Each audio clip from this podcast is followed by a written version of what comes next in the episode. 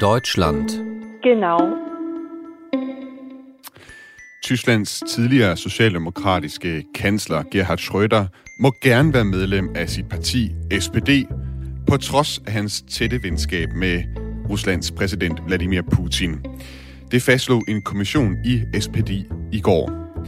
Det er altså sådan, at 17 lokalforeninger i SPD har forsøgt at få smidt Gerhard Schröder ud af partiet på grund af netop hans nære venskab til den russiske præsident og hans arbejde for russiske energiselskaber. Du lytter til Genau på Radio 4, og vi lægger i dag ud med at se på, hvor meget den tidligere socialdemokratiske kansler er en klods om benet på sit eget parti. Senere så skal du høre fra en mand, som gerne vil udstille to russiske kampvogne i Berlin, som den ukrainske her har erobret. Men det har han fået afslag på, fordi sådan en udstilling, ifølge Berlins bystyre, berører Tysklands udenrigspolitiske interesser. Og til sidst så ser vi på, hvordan russiske hackere har angrebet tysk infrastruktur, og om Tyskland er godt forberedt på cyberangreb. Du kan som altid sms ind undervejs i udsendelsen ved at skrive ind til nummeret 1424 med dine beskeder og dine øh, spørgsmål og kommentarer. Skriv også gerne, hvad du hedder og hvorfra i landet du sender din besked. Velkommen til Genau. Genau. Genau. Genau. Genau. Og nu kan jeg byde velkommen til Lykke Friis, der er direktør i Tænketanken Europa og Tysklandskender. Velkommen til, Lykke. Og Lykke Friis, øh, jeg har inviteret dig med, for vi skal tale om øh, Gerhard Schröder. Og i går der afgjorde uh, hans øh, parti, SPD, at uh, Gerhard Schröder, altså tidligere kansler i Tyskland, at han kan blive i partiet, selvom der er altså mange, der gerne vil have ham smidt ud af SPD. Øh, Lykke Friis, kan du kort øh, først forklare, hvorfor det er, folk i SPD gerne vil have smidt Gerhard Schröder ud? Jamen, det er jo fordi, at mange i partiet øh, mener, at han er blevet en klods om benet. Han skader partiet. Det er partiskadelig øh, virksomhed ved, at han øh, ikke i tilstrækkelig grad har distanceret sig fra Vladimir Putin. Men der er altså også mange i partiet, der har en anden holdning, og som mener, at det vil være forkert at smide ham ud. Der skal vi huske på, at partier spiller en anden rolle i Tyskland, end de gør i Danmark, og det, er, det er altså en juridisk afgørelse. Det er ikke en politisk afgørelse, som man kender fra Danmark, når man sidder og diskuterer om en person, skal være medlem af et politisk parti eller ej. Nu siger du, der er forskellige holdninger i SPD. Kan du uh, trække linjerne op? Er det sådan uh, 50-50 uh, uenighed, der er i SPD omkring, uh, hvorvidt han skal være medlem eller ej? Nej, sådan kan man ikke sige det. Og igen, jeg tror, hvis man øh, spurgte øh, Socialdemokraterne, hvad de allerhelst ville have, så var det, at han meldte sig ud af partiet. Fordi så løste han ligesom om den her øh, kattepine for SPD. Det, der bare er essensen, når man skal smide en person ud af et parti i Tyskland, jamen så er det en juridisk proces. Det vil sige, så skal man altså kunne have dommere ind over, som så sidder og vurderer, om det, mm-hmm. Gerhard Schröder har gjort, om det strider imod selve øh, partiets øh, fundats. Og det er jo noget andet, end at sætte sig ned og diskutere, om man synes, det er en god idé, han er medlem af Socialdemokratiet eller ej. Hvorfor er det en juridisk ting i Tyskland? Hvorfor er der den her forskel på Danmark og Tyskland på den måde? Det er der, fordi Tyskland jo som altid har sin helt øh, særlige historie efter øh, 2. verdenskrig, hvor man der øh, kom frem til, at man har brug for partier, fordi partier Volksparteien, som det hedder i Tyskland, skal være fundamentet omkring demokratiet. Det skal være noget, hvor man så også har den her meningsudveksling, så man ikke pludselig er intern i partiet, men ikke pludselig har en mand, der kan sætte sig på det hele, altså Adolf Hitler. Så derfor så står partierne, partierne er nævnt, altså ikke enkeltvis, men, men partisystemet mm-hmm. er nævnt i den tyske forfatning. Og det er det, der så også betyder, at man så ikke bare smider folk ud, man skal så vurdere, øh, om øh, de så har gjort noget, som decideret strider imod øh, partiets øh, overordnede vedtægter, øh, fordi man skal øh, i henhold til tysk øh, forfatningsret nærmest altså have, have mulighed for, at der er meningsudvekslinger i partier. Det er sådan set en del af fundamentet, kan man sige, også for et politisk parti. Mm-hmm. Her kort før udsendelsen, der talte jeg med en af dem, som øh, gerne vil af med øh, Gerhard Schröder i SPD. Det er Andreas Vorlein. Han er pressetalsmand for SPD's afdeling i Heidelberg. Herr Schröder ist eine Person des öffentlichen Lebens. Er ist Altbundeskanzler der SPD und bereits bei der Annexion der Krim waren gelegentliche Äußerungen von Herrn Schröder nur schwer nachvollziehbar. Jetzt, wo wir uns mit einem Angriffskrieg auf europäischem Boden konfrontiert sehen, hat der Schröder nichts Besseres zu tun, als sich von, ich zitiere, Fehlern auf beiden Seiten zu sprechen und sich nicht klar von Herrn Putin zu distanzieren. Und das geht für uns einfach nicht und deswegen möchten wir ihn aus der Partei ausschließen. Andreas øh, Vorlein, han siger i klippet her, at Schröder er en offentlig person og tidligere kansler for SPD, og allerede med Ruslands annektering af Krim var hans udtalelser nogle gange svære at forstå.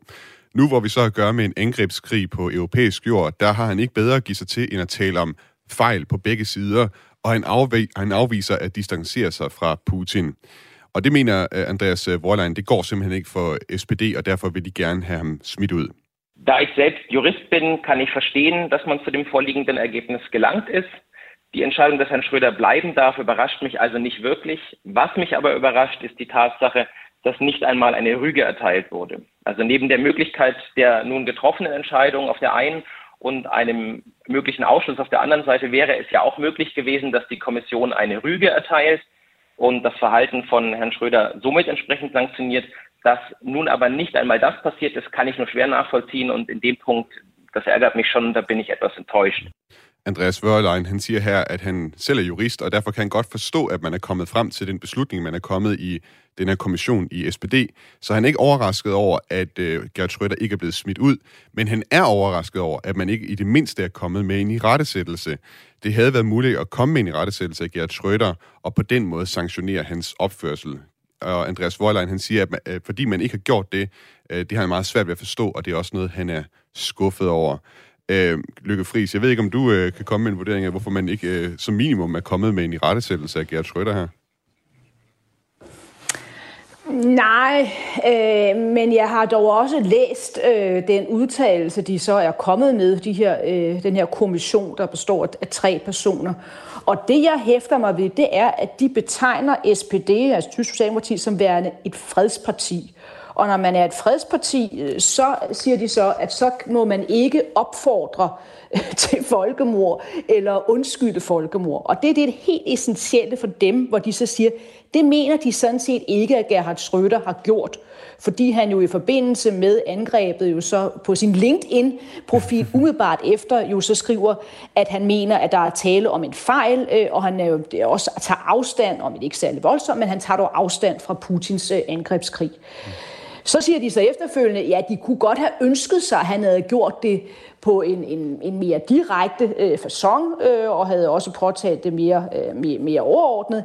Men, siger de så også, og det synes jeg er det mest interessante, at når man så ser på overordnet, hvad partiet står for, den diskussion, der er i partiet, så mener de ikke, at han har givet udtryk for noget, som er fundamentalt imod partiets, den overordnede diskussion internt i partiet. Og det er jo interessant, for det besvarer jo nok dit spørgsmål, nemlig, at der jo er klare strømninger internt i SPD, som jo sådan set har den opfattelse, at man på et eller andet tidspunkt bliver nødt til at sætte sig ned med Vladimir Putin øh, og, og få en løsning på, på Ukraine-krisen. Mm. Og derfor, hvis man havde smidt ham ud, og virkelig også kommet med en eller anden meget klar ryge, altså klar advarsel til ham, jamen så kunne det virkelig også have udløst debat internt i partiet. Det vil det her så også gøre, og derfor er det virkelig en lose-lose situation, ikke mindst for kansler Olaf Scholz. Og vi kommer også til at kigge på, hvad, det kommer til at byde, betyde for Olaf Scholz. Men når jeg har talt med socialdemokrater om det her med at smide øh, Gert Schröder ud af partiet, så en af de ting, de tit har øh, peget på, det er Thilo Sarrazin, en, øh, et tidligere medlem af SPD også, og hele balladen om at få smidt ham ud.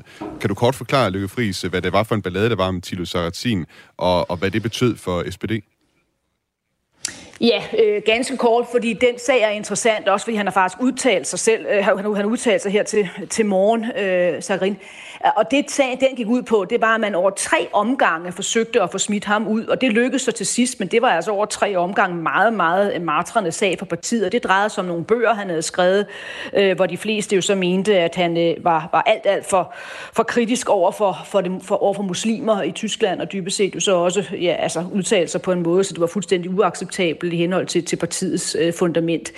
Øh, og det, det tog dem altså mange, mange år at blive enige om. Så lykkedes det langt om længe, kan man så sige, og det han så siger her til morgen, det er jo så, nå, der kan man se, at man kan altså, det er åbenbart værre at udtale sig om muslimer, end det er så at, at støtte en, øh, en angrebskrig, øh, øh, det han så siger øh, omkring Gerhard Schröder. Og det er jo bare et eksempel på, at det er jo virkelig svært at komme med juridiske, med juridiske briller øh, og foretage, hvad der jo dybest set jo så også er nogle politiske vurderinger. Og derfor er den her sag jo langt fra død, og det kan man jo også godt høre på formanden for, for SPD, Klingbeil. Han siger jo, ja, juridisk er man nu kommet frem til det her, men politisk mm. er Gerhard Schröder fuldstændig isoleret i partiet. Hvor stor en øh, klods om benet vil du mene, det bliver for SPD, at øh, Gert Schröder han fortsat kan være i partiet?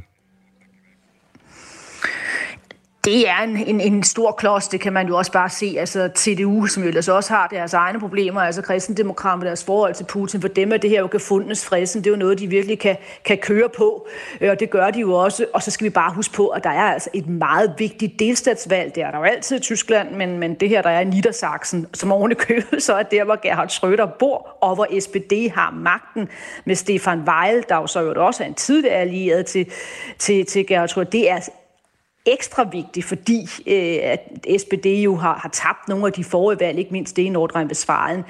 Og der kan man sige, okay, var han blevet frikendt, øh, jamen så ved man, øh, undskyld, var han blevet dømt øh, til, at blive, til at forlade partiet, ja, så havde det jo så også været et problem, fordi så havde han jo helt sikkert dukket op øh, og, havde, og forsvaret sig selv, for den mulighed har han jo, Gerhard Schröder. Så var det også kørt videre, men nu kører det jo så videre med diskussionen af, om det nu var det rigtige eller det forkerte at gøre. Og vi ved jo heller ikke endnu, om der ikke er nogen, for det har man jo mulighed for, at de øh, forskellige kredse, der så har ønsket at smitte ham ud, om de så vil gøre indsigelse. Så, så det er langt fra det sidste, vi har hørt til den her sag.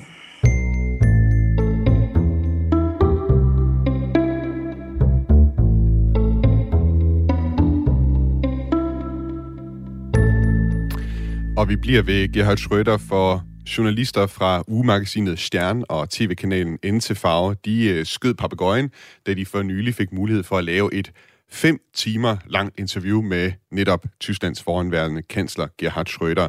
Og i det her interview med Stern, der siger Gerhard Schröder blandt andet, at han ikke kan se, hvorfor han skulle tage personlig afstand fra Vladimir Putin, og at det er Tyskland, der bærer skylden for, at der for tiden kun løber meget lidt gas igennem rørled, øh, gasrørledningen Nord Stream 1.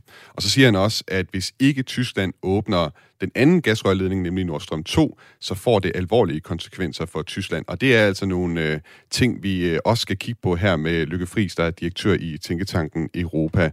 Øh, først og fremmest Lykke Friis, øh, det her interview, som han har givet til Stern, øh, hvor opsigtsvækkende er det? Ja, altså, øh, nu må man sige, det, det er jo svært at konkurrere med det, han gav til New York Times, for det var det første interview, han gav, men det var jo så til en amerikansk avis. Det er klart, når han så giver et, et, et interview til, til et tysk øh, magasin, jamen så læser alle det jo naturligvis med lup. Og, og det har de jo, altså nu, nu ved vi jo så nu, at den øh, afgørelse, som øh, den her kommission kom frem til, øh, som vi lige har været inde på før, at de havde afsluttet deres arbejde før det interview. Men jeg sad der selvfølgelig og læste meget, det tror jeg også, at andre gjorde. Hvad siger han så helt specifikt omkring Putin? Og der siger han sådan noget, som egentlig understøtter det, som der så står i afgørelsen. Han siger nemlig, jamen han, han ikke kan se nogen pointe i, at han skal tage afstand fra, fra en ven. Øh, og der siger afgørelsen faktisk, jamen altså, man har lov til at have venner i politik for at tage den meget hurtige udgave. Og det er det interview, det var et interview, der udkom i uh, sidste uges uh, udgave af Stjerner, der han siger altså mange ting i de her interviews, som kan få folk til at spære øjnene op. Uh, det er værd at understrege først, hvis man lige skal være fair, at han betragter krigen i Ukraine som en fejltagelse fra russisk side men samtidig så vil han så ikke øh, tage personlig afstand fra Vladimir Putin. I forhold til energikrisen, så påstår han, at det ikke er et politisk valg fra Ruslands side at skrue ned for gassen til Europa, men at det alene er et teknisk og byråkratisk spørgsmål på både russisk og tysk side, men at det kun er Tyskland, der skubber sorte pærer over på Rusland. Og på spørgsmålet om, hvad den tyske regering bør gøre i forhold til energikrisen, der svarer Gerhard Schröder sådan her. Den nemmeste løsning vil være at tage gasrørledningen Nordstrøm 2 i brug. Den er færdig. Hvis det bliver virkelig knapt, findes gasrørledningen, og der vil, øh, og der vil med begge ledninger ikke være noget forsyningsproblem for tysk industri eller tyske husholdninger. Og her der går journalisten så ind og påpeger, at regeringen klart har udelukket at åbne for Nord Stream 2, og hertil der svarer Gerhard Schröder så, hvis man ikke tager Nord Stream 2 i drift, må man bære konsekvenserne. Og de vil også i Tyskland være enorme. En hver, der varmer op med gas, kan mærke det allerede nu. Lykke Friis, øh, det her forslag, som øh, Gert Schröder han kommer med om at åbne Nordstrøm 2, er det en fuldstændig dødsejler i Tyskland, eller er der nogle tyskere derude, som kunne se det som en løsning på de stigende energipriser? Ja, der er nogen. Øh, for eksempel var der jo sidste uge borgmestrene på Ryen, altså den øh, ø, hvor så gasledningen jo så øh, dybest set jo kommer ind i det område op ved Lumin tæt på, på Greifswald. De var ude at sige noget lignende, Øh, og øh, så sagde jo øh, vel og mærke også Vladimir Putin præcis det samme øh, for få uger siden, øh, da man jo begyndte at, at servicere altså den her Nord Stream 1-gasledning. Øh, og det er jo det, som folk virkelig hæfter sig ved, det er, at Gerhard Schröder, som jo selvfølgelig også er ansat stadigvæk i øh, Nord Stream AG, og på den måde spiller en central rolle øh, i, i russisk øh, gaspolitik, han er dybest set blevet talsmand for Vladimir Putin. Han siger en til en det samme. Og det er jo vidderligt interessant, også fordi da det, det, det blad øh, ramte øh, kioskerne i Tyskland, der stod Olaf Scholz, altså jo dybest set en af hans, hans afløser, foran denne her nu verdensberømte turbine i, i Ruhrdistriktet. Den, som jo altså skal, skal fragtes til, øh, til, til, til gasledningen, for den kan blive serviceret, og sagde endnu en gang, jamen altså, der er ikke nogen problemer øh, set fra, fra, fra, fra Tysklands side. Man kan bare gå i gang med at lade gassen løbe igennem, og det kan man jo så også allerede nu, fordi man kunne sådan set bare bruge de andre gasledninger. Det har man gjort de andre år, når man har serviceret Nord Stream 1. Det er der jo intet nyt i, der har man bare fået gas, gassen fra, via de andre gasledninger, der går mellem øh, Rusland og, og Tyskland. Det ønsker man jo ikke at gøre. Og det modsiger jo så Olaf Scholz fuldstændig for åben tæppe. Og på den måde har du sådan set nu også en åben krig imellem Olaf Scholz og, og Gerhard Schröder. Og der er der ingen tvivl om, at der er en mand, der synes, det her det er bare en fest, og det er jo naturligvis Vladimir Putin. Mm. Og lige for lidt øh, kontekst i forhold til den her turbine, som du er inde på, så vidt jeg har forstået i hvert fald, øh, så har det jo været det, som har været øh, Ruslands begrundelse, at man øh, har manglet en bestemt turbine til ligesom at kunne øh, sende øh, gas øh, i den mængde, som man har man har skrevet under på, at man vil levere til, øh, til Europa. Øh, og den befinder sig nu, den øh, turbine, i øh, Tyskland. Og uh, noget af det, som Gerhard Schröder så siger, det er, at det er Siemens, der sidder med ansvaret for, for den her turbine, og det er ikke Ruslands skyld. Og der, som du selv er inde på, Løkke Friis, det er der, ligesom jeg skal sige, der er en krig mellem de to, uh, den henholdsvis den forhåndværende kansler og så den nuværende kansler. Uh, Løkke Friis, du skrev også på Twitter, at den her udmelding og interviewet i Stern, det er noget, der presser Olaf Scholz. Hvorfor det? Jamen, det gør det, fordi nu har jeg jo lige været en lille uge øh, i Tyskland, og man må jo sige, at, at stemningen er jo virkelig dyster, øh, ikke mindst omkring energi. Nu er der så også kun kommet en vandkrise oveni, hvis man tager forsiden på Bildzeitung i dag, så er det ikke længere energi, så er det vand. Vi mangler vand, og rinen øh, kan man dårligt sejle igennem osv. Så, så der er jo virkelig øh, mange problemer, øh, der, der svæver over det hele. Men, men det gør bare, at der også er nogen, øh, og nu nævnte jeg jo de her borgmester for Ryen, men man kan også sådan fornemme jo nogle af, nogle af hvad hedder det, af ministerpræsidenterne, blandt andet i Sachsen, og også lidt i Bayern, gå efter nogle af de lette løsninger. Og det er klart, Markus Søder i Bayern, han vil ikke sige, at man skal åbne øh, Nord Stream 2, øh, jo så gasledning. Han fokuserer på, på atomkraftværkerne. Men nogle andre vil jo godt på et tidspunkt simpelthen gå efter den løsning, simpelthen fordi hvis det bliver helt uoverskueligt, den situation, man har, jamen så, så kan man pege på, jamen skulle vi ikke bare åbne den gasledning? Og, og det er jo noget, hvor man kan sige, der ligger det, som, som Schröder gør nu i hvert fald massivt pres på Scholz for så at få løst problemet på anden vis. Og det kan jo så for eksempel være ved at få genåbnet de her, eller ikke genåbnet, men forlænget de her tre atomkraftværker, som jo stadig kører i Tyskland, eller så rent faktisk få vedtaget en egentlig energispareplan, som så ikke kun er for, for byerne osv. Så, så skal han gøre noget andet.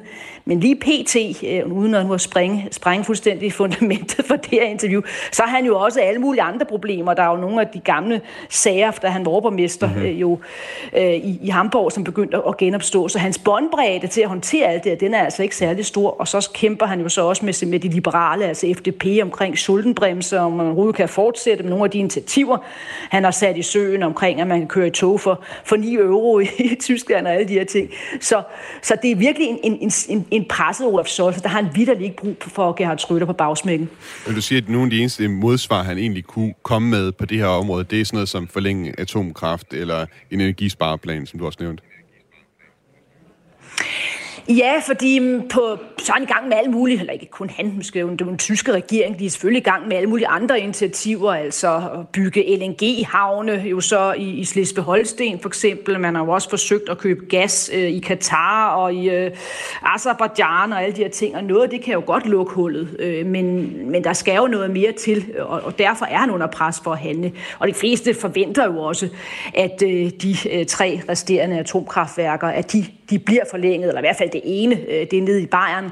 Øhm, og, og fordi så vil det jo trods alt kunne give noget øh, ekstra øh, energi til, til Tyskland. De tre atomkraftværker står for 6 procent af Tysklands elforbrug. Stern, øh, magasinet Stern, der lavede det her interview med Gerhard Schröder, de lagde også en video op med deres øh, chefredaktør, Gregor Peter Schmitz, om hvordan det var at lave interviewet med Gerhard Schröder. Og der sagde øh, chefredaktøren blandt andet sådan her. Er hat ein klares Gespür dafür, ähm, was die Leute dann umtreibt und setzt, glaube ich, auch, das ist jetzt meine Interpretation, ein bisschen darauf, dass sich die Haltung zum äh, Ukraine-Krieg und dann vielleicht auch zu seiner Rolle gegenüber Putin ändert, weil er das Gefühl hat, dass ähm, die Leute zunehmend begreifen, das schadet uns. Wie gesagt, das ist jetzt meine Interpretation, was Gerd Schröder vielleicht denkt, das hat er nicht so genau gesagt. Ähm, aber man hat etwas das Gefühl, dass er erwartet, dass er in Zukunft wieder mehr Zuspruch für seine Position erhalten wird, als es in der Anfangsphase der Fall war. Ja, Sterns äh, chefredaktør Gregor Peter Schmitz, han siger i klippet her, han, altså Gerhard Schröder, har en god fornemmelse for, hvad folk går op i, og min fortolkning er, at han satser på, at holdningen til krigen i Ukraine og hans rolle over for Putin ændrer sig. Han har måske følelsen af, at det stadig går mere op for folk, hvor meget det skader dem. Det er min fortolkning. Det var ikke noget, han sagde, men man har følelsen af, at han forventer i fremtiden at få mere opbakning til sine holdninger. Lykke Friis, øh, er der et håb for Gerhard Schröder om, at øh, tyskerne de øh, vender sig mere og mere til, hvad skal man sige, over på hans side, at de måske øh, bliver mere og mere enige med ham i takt med, at øh, krisen den øh, begynder at krasse? Ah, altså godt være nogle af hans synspunkter, altså det her med, at, at øh, nu man på en eller anden måde prøve på at se, om man ikke kan få finde en løsning øh, på krigen, tror jeg nok, at der vil, der vil have, også man ser på målingerne, vi kan få opbakning. Men altså, nogle af de udtalelser, han kommer med, øh, også det der med, at han jo rejste, rejser til, til, nu viser sig ikke på ferie, men altså han rejste jo over og talte med Putin igen. Øh, det forhold, at han jo i den grad siger det samme som Vladimir Putin, og vel at mærke at købt og betalt af ham, det gør altså, at, at, at hans, øh, dem, der vil støtte ham, trods alt vil være, vil være temmelig begrænset. Jeg tror også, det, men jeg tror, det er vigtigt, når man diskuterer Gerhard Schröder, man hele tiden husker at sige, at han har selvfølgelig en pointe i, at han jo ikke var den eneste, der mente, at det var klogt at købe øh, billig gas øh, fra, fra Rusland. Det mente jo stribevis af tyske politikere, selvfølgelig også Angela Merkel skal nævnes den her forbindelse. Så der er nogle gange lidt en tendens til, at man går ham til, til søndebukken og, og, og så siger, at det, det bare var på grund af ham. Det kan man ikke sige, men det, der var forskellen på ham og på, på, på Angela Merkel, det er jo så, at han har decideret taget penge øh, fra Putin, og han har jo så også indgået et meget tæt samarbejde med Mathias Warnik, der jo så var øh, jo direktør øh, for Nord Stream øh, AG, som jo er tidligere Stasi-agent. Så det er jo mhm. virkelig også nogle, nogle meget bizarre alliancer, øh, en tidligere kansler har fået viklet sig ind i. En af de grunde, øh, Gerhard Schröder giver til, at han ikke vil tage personlig afstand fra Vladimir Putin, det er, at han mener, at han stadig kan gøre sig nyttig i konflikten og måske male mellem Rusland og, og Vesten. Øh, Lykke Friis, øh, kan du se det for dig? Überhaupt nicht. Altså, det er fuldstændig, fuldstændig utænkeligt. Og, og der er heller ikke nogen forbindelse længere øh, imellem Gerhard Schröder og, og Olaf Scholz, eller Stefan Weil, ministerpræsident Niedersachsen, eller tyske udenrigsministerium og, og, og Gerhard Schröder. Øh, og, og det hænger jo sammen med, at han, som en på før, en til en siger det samme som, som Vladimir Putin. Så der er jo overhovedet ikke nogen, nogen tillid øh, til ham. Så nej, øh, det, det er noget, han kan drømme sig til, øh, men det, det er ikke noget, der kommer til at ske. Lykke Friis, øh, tak fordi du var med i Genau i dag. Ja, det var en fornøjelse. Altså direktør for Tænketanken Europa og Tysklands kender ekstraordinære.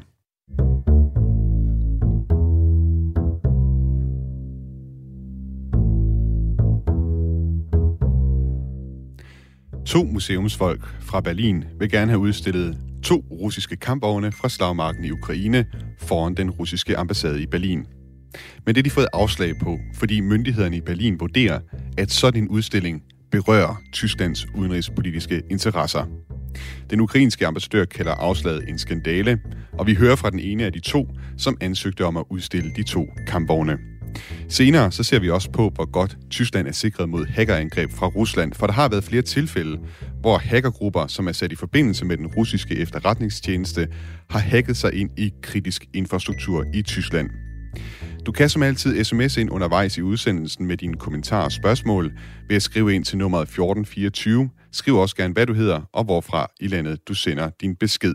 Mit navn er Thomas Schumann. Du lytter til Genau på Radio 4. Hvis du har været på ferie i Warszawa eller Prag i løbet af sommeren, så har du måske set et par russiske kampvogne i gadebilledet. De to kampvogne de blev erobret af ukrainske styrker, og Ukraines forsvarsministerium har arbejdet for at få dem udstillet i europæiske hovedstader for at gøre krigen i Ukraine mere håndgribelig for alle os, som ikke har den på nært hold.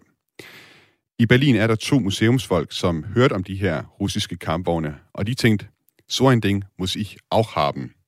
Den ene af dem er Wieland Giebel. Ich heiße Wieland Giebel, bin 72 Jahre und bin der von Beruf der Kurator der Ausstellung Hitler, wie konnte es geschehen, im Berlin Story Bunker, wo die meisten ausländischen Besucher Dänen sind.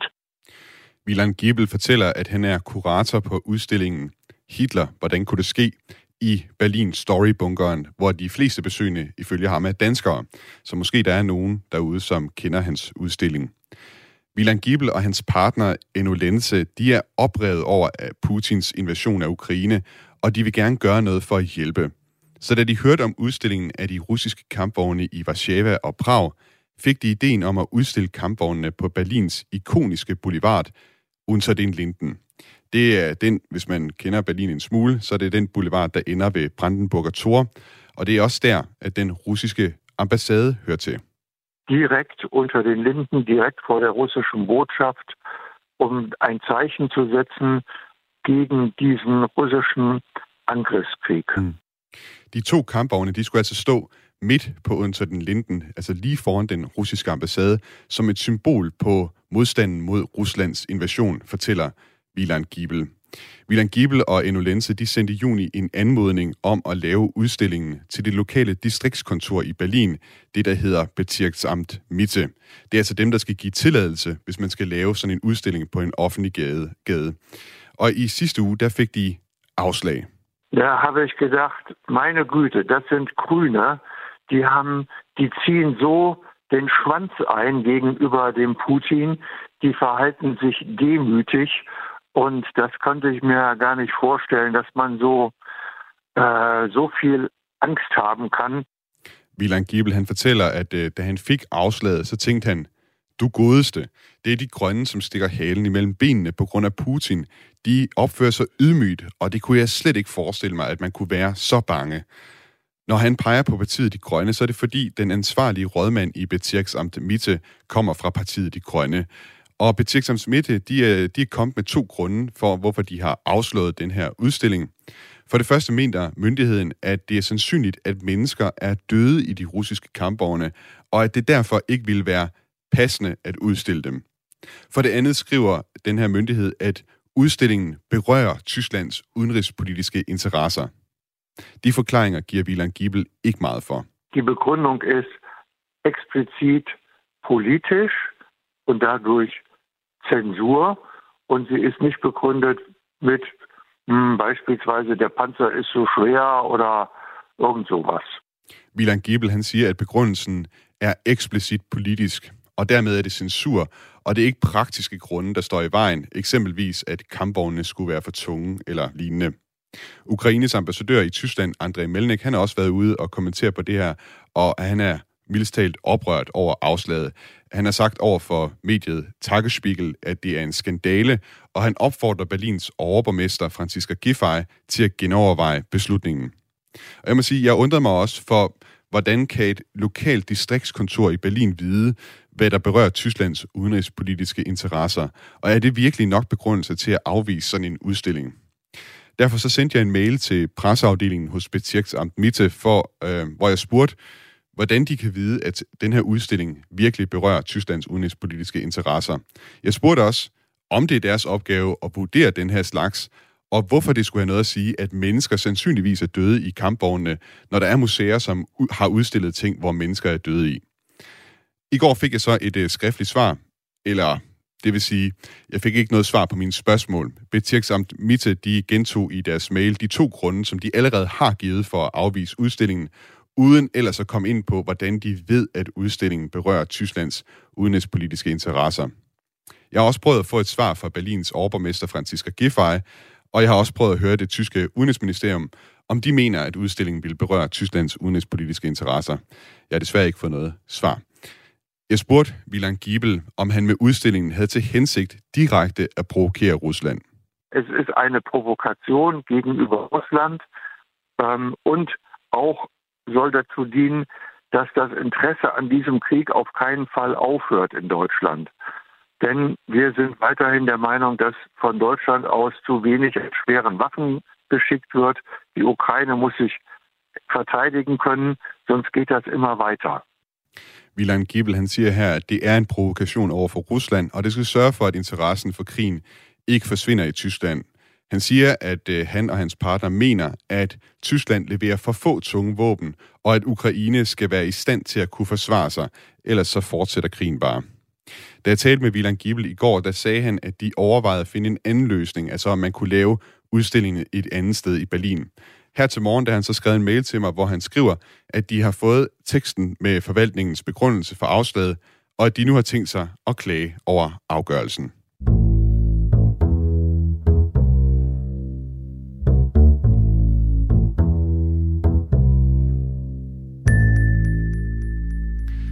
Fra russiske kampvogne skal vi videre til russiske hackerangreb, som er en tilbagevendende trussel i Tyskland.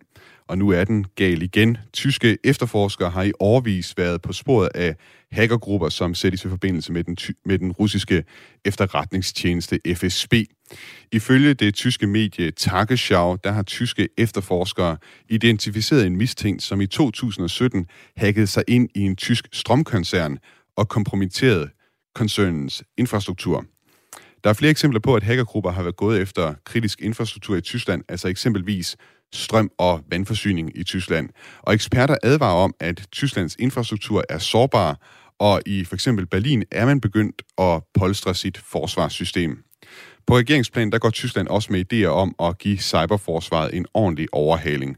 Og det er jo en kendt historie, vi har også øh, dækket det her på Genau før, at Tyskland ikke altid er helt lige fremme, når det kommer til IT. Man kan blot tænke tilbage på, hvordan sundhedsmyndighederne under coronaen i sin tid, øh, da epidemien den ligesom rullede, at de var nødt til at sende smittetal med fax, fordi der simpelthen ikke var nok IT-infrastruktur. Men hvor stor er truslen reelt i dag, og hvor godt eller dårligt stillet er Tyskland egentlig?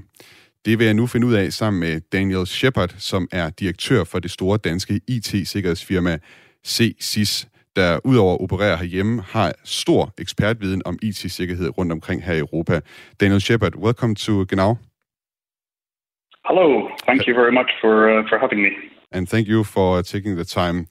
Uh, jeg vil lige sige til lytterne, at uh, Daniel uh, desværre ikke taler så meget dansk, så vi tager altså interviewet her på engelsk, men jeg skal nok komme med en uh, oversættelse løbende under uh, interviewet her. First up, Daniel, um, we have heard these stories about cyber attacks against Germany. Uh, could you perhaps uh, start by explaining why Germany is a natural target for cyber attacks? Yes, uh, surely. Um, and I think it's a, it's an interesting question because the uh, the reason why Germany is interesting uh, to attackers is also relevant to uh, other countries and organizations around the world. But uh, let's talk about Germany specifically. Um, I think it's worth noting that uh, obviously within a European context and also global context, uh, Germany is a massive economic force. I mean, at a European level, it's it's the single largest economy, of course. Uh, so that in itself makes uh, makes it interesting. But also, it's a, a, country which has had a long history of uh, technology-related innovation. So, uh, as, as a country and the organizations that it, is, it has fostered, um, it is uh, it is a place that is recognized for leadership in innovation. And the reason that's important is something I'll touch on in a little while. Mm. Uh, of course, the country is a home to many very, very well-known brand names uh, in, in uh, you know, cutting across different industries, uh, from, for example, automotive, uh, in the energy and utility space, uh, finance and banking specifically, as well as transportation and logistics. And these are all industries which are of uh, incredible importance to attackers for sometimes very different reasons. Mm-hmm. In addition to that, we also have the fact that uh, it's a very politically significant country uh, and influential in terms of uh, policy and decision making across the European uh, sphere. And uh, the same goes for its uh, social positioning. Now, the fact of the matter is that Germany, like many other countries, has been quite vocal against Russian backed cyber attacks. And some of that goes back to uh, well, it goes back several years, even back to 2015, for example. But in recent times, uh, with the uh, conflict uh, between Russia and the Ukraine, of course, uh, countries have taken a position in support of the Ukraine, and Germany is one of those. So necessarily, that obviously attracts. Mm. Uh, the uh, Russian APT group's mm. interest as well. Daniel, I'll just do some uh, translation for listeners uh, out there who might not uh, be uh, as well understand English as well. Um, det, Daniel, det Daniel han siger her, det er, at en af grundene til, at Tyskland er et oplagt mål for hacker, det er at gøre med Tysklands sådan økonomiske stilling i verden, at det er et rigt land, og det er et land med meget innovation, med store virksomheder, som laver meget inden for blandt andet bilfremstilling, øh, øh, som kan være oplagte mål for hackerangreb. Og så har det også at gøre med Tysklands sådan politiske positionering ude i verden, hvor Tyskland også gør sig til mål, blandt andet ved at kritisere øh, Rusland øh, og tage stilling i forhold til Ukrainekrigen her senest. Uh, Daniel Shepard, is a country like Germany, is it, would you say it's more vulnerable than, øh, for, for example, Denmark to cyber attacks? Well, it um, it's obviously a, uh, a subjective um, assessment to uh, to comment on one country's um, preparedness uh, or resilience, as we often talk about in uh, in cybersecurity. There have been recent studies that have uh, been looked at uh, to assess exactly that particular point at a country by country level in Europe. And there are certainly some indicators of preparedness in which Germany ranks better than others. But overall, uh, the country is neither uh, at the top of the scale in terms of very well prepared, nor is it at the bottom end of the scale in terms of being the worst prepared. It is actually generally found to be somewhere in the middle. And there's reasons related to that, um, many of which are being addressed through a recent paper that has been uh, published in Germany, which is actually outlining governmental level plans uh, for massive improvement. Uh, because it's true, Germany and German organizations, again, like so many other uh, examples in many countries around the world, have still to a large extent taken a rather reactive approach towards cybersecurity. But I believe that that is set to change. Mm-hmm. Daniel Shepard, han øh, forklarer her, at Tyskland, når man ser på de opgørelser, der bliver lavet i forhold til, hvor godt de er rustet i forhold til cyberangreb, så ligger de sådan, det er hverken i toppen eller i bunden, de ligger, de ligger sådan cirka midt imellem. Men en af grundene til, at øh, de så måske ligger der, det er, at de tyske myndigheder, som så mange andre lande, også har det med at være reaktive, hvad angår øh, cybersikkerhed. Altså, de er ikke proaktive i forhold til at, at komme de her ting i forkøbet. Det er først, når der opstår et problem, at de øh, så egentlig skrider til handling.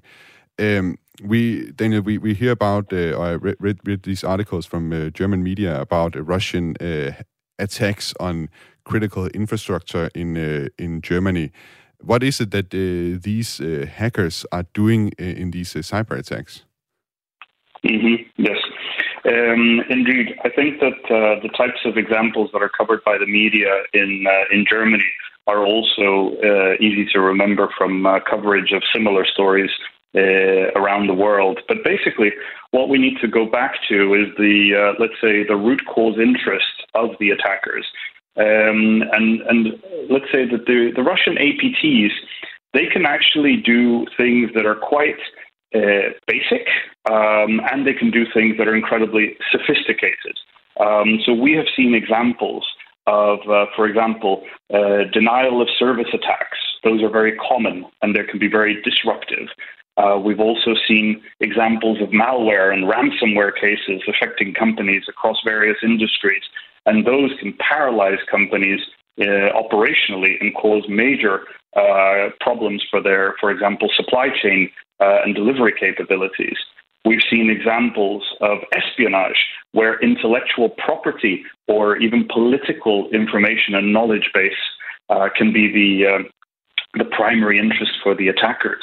And there can also be information based operations which relate to the theft and leakage of, uh, of data, uh, you know, oftentimes related to, uh, to people and citizens uh, or pro- propaganda oriented attacks.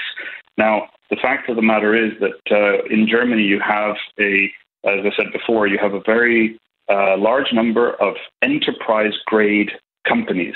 And the degree to which those companies are prepared and resilient towards these attacks is quite variable.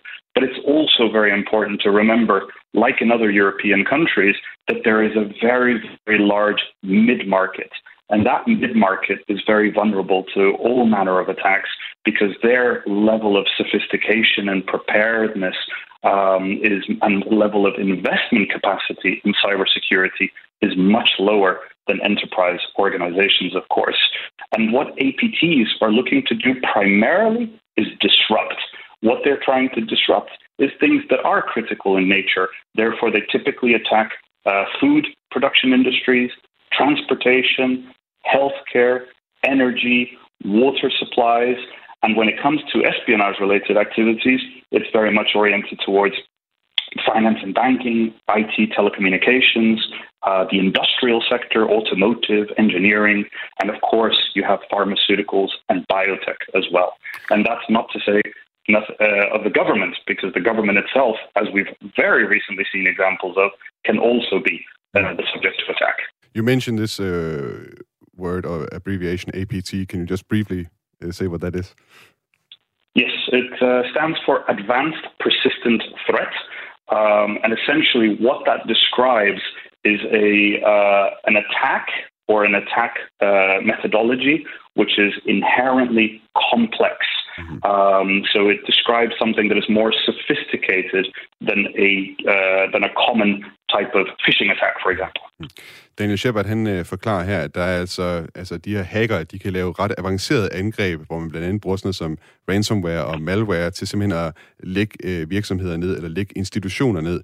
Det er meget forskelligt i, ty- i et land som Tyskland, hvor godt øh, for eksempel enkelte strømkoncerner eller så videre, de er sikret øh, mod den her ans- øh, slags angreb. Men i hvert fald, så har man set eksempler på, at øh, de her hacker, de er gået direkte efter sådan noget som øh, fødevare eller strøm eller andet, Øh, man prøver simpelthen at forstyrre øh, forsyningskæderne i, øh, i et land som, øh, som Tyskland. Øh, Daniel, øh, what can uh, Germany do to protect itself? Well, uh, in fact, uh, this paper that I mentioned uh, that has just been published uh, recently uh, is quite interesting because it touches on many of the uh, areas that I that I believe are of concern and in need of, of improvement.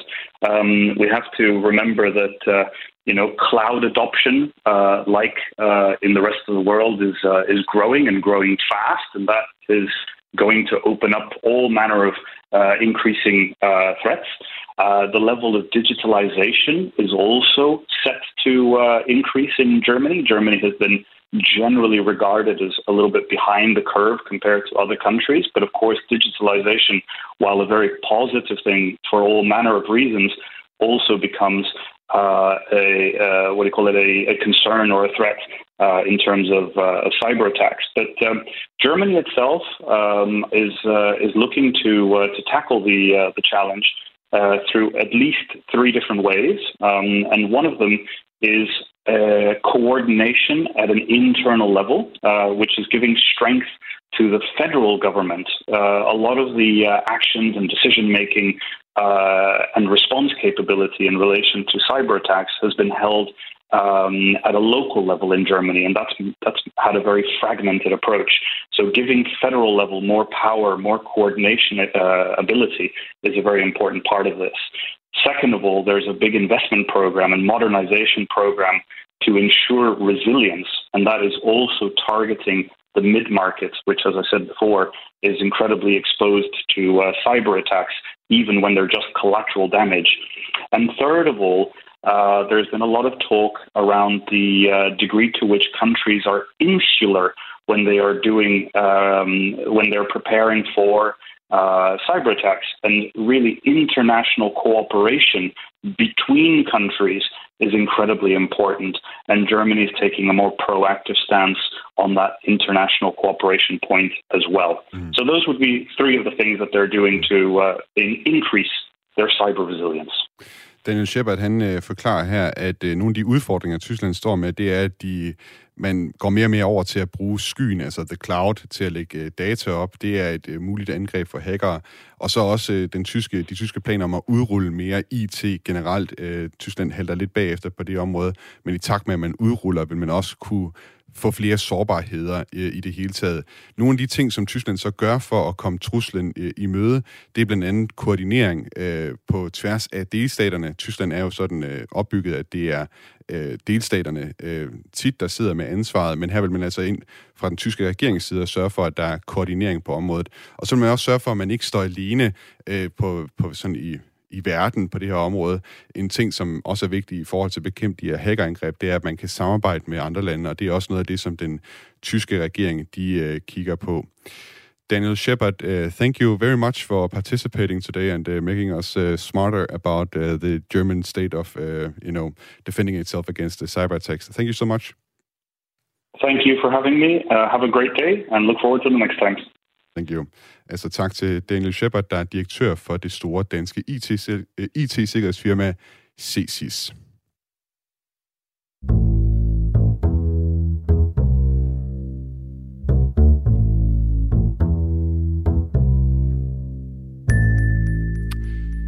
Før vi eh, runder udsendelsen af i dag, så vil jeg nævne nogle af de historier, som jeg også har fulgt med i eh, her herfra på det seneste fra Tyskland, som vi ikke havde tid til at komme øh, så dybt ned i, som vi havde med de andre historier i øh, den her udsendelse. Lykke Fri, som var lidt inde på nogle af dem. Blandt andet, at tyske floder, de øh, for tiden tør ud, og det gør det sværere at transportere eksempelvis kul rundt i landet. Det er sådan, i uvis har det ikke regnet i Tyskland, og det betyder altså, at en flod som for eksempel Rhinen eller Elben eller Main, de er begyndt at tørre ud.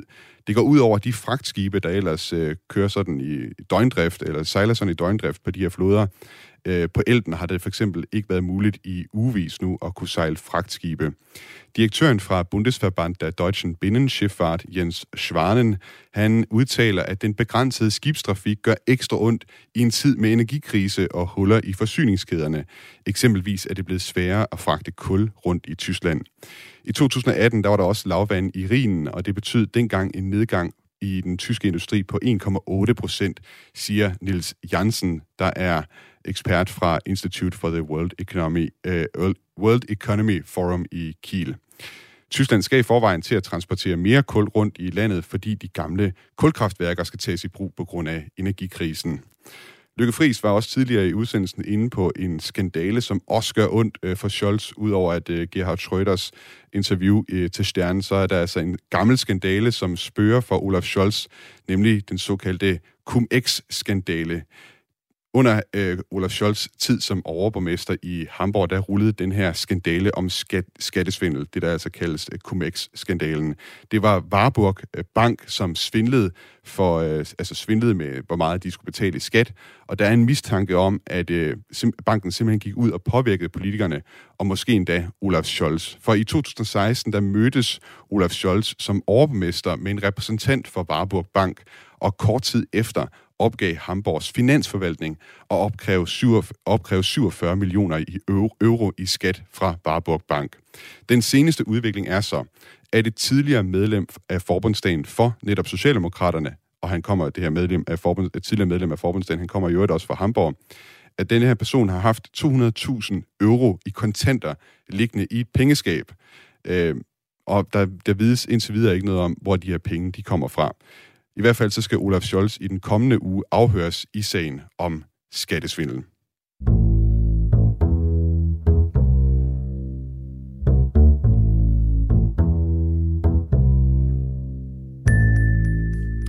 Du har lyttet til Genau på Radio 4, som er tilrettelagt af Niklas Erbilov Dein, redaktør på programmet er Camilla Høj Eggers. Mit navn er Thomas Schumann. Hvis du kan lide Genau, så vil jeg anbefale dig at gå ind i din øh, øh App Store, eller hvad det hedder på din telefon, og downloade Radio 4's app, og så tryk, ud på, tryk på følg ud for Genau, så får du alle episoder. Og hvis du har en ven derude, der er særlig glad for Tyskland, så vil jeg da også anbefale dig at anbefale Genau til en ven. Du kan også som altid også skrive til mig på genau-radio4.dk. Om lidt er der Frontlinjen, vores forsvarspolitiske program, der i dag giver en grundig opdatering på situationen i Ukraine og Rusland, både militært, politisk og økonomisk. Tak fordi du lyttede med. Auf Wiederhören.